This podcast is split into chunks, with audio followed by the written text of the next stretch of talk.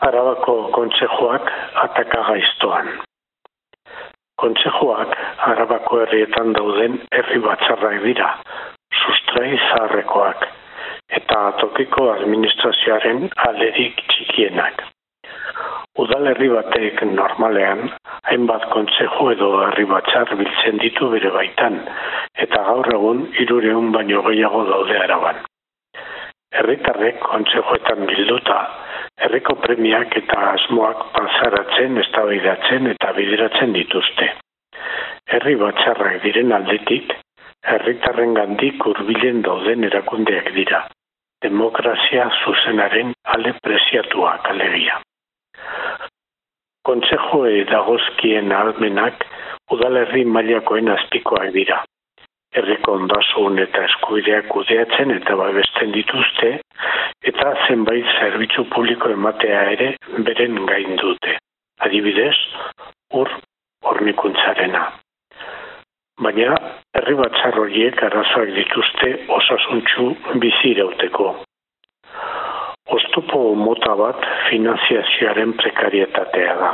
Izan ere, kontsejoen berezko diruz harrerak mugatuak izaten dira, eta fofel funtsaren bitartez foru aldunditik ofizioz jasotzen den dirua, ez da nahikoa izaten herriek dituzten premiak asetzeko.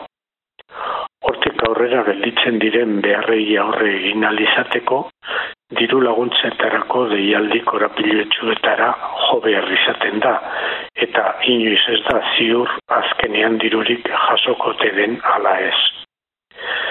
Diru faltaren mehatxua beti presente eta ondorioz urteko zereginak ondi, ongi planifikatzea ezinezko. Beste arazo potoloa kudeaketaren komplexutasen arena eta tenifikazioarena da. Edo zeren gainetek ziortasuna bilatzen duen egungo sistema garantista honetan, mota guztietako izapideak gero eta korapilatxuagoak dira, gero eta teknifikatuagoak. Eta herriak ez daude horretarako ongi prestatuta ez dute baleabide teknologiko egokirik, ez da soldata peko langilerik ere. Herriko lan gehienak musu truk egiten dira. Batzuk biztanleek auzolanean buruturik.